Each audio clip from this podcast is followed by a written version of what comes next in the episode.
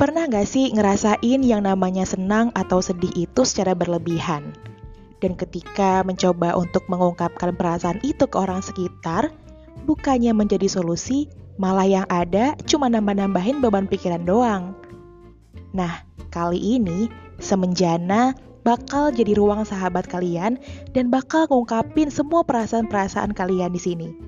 Yuk, kita sama-sama belajar dan kita cari hikmahnya.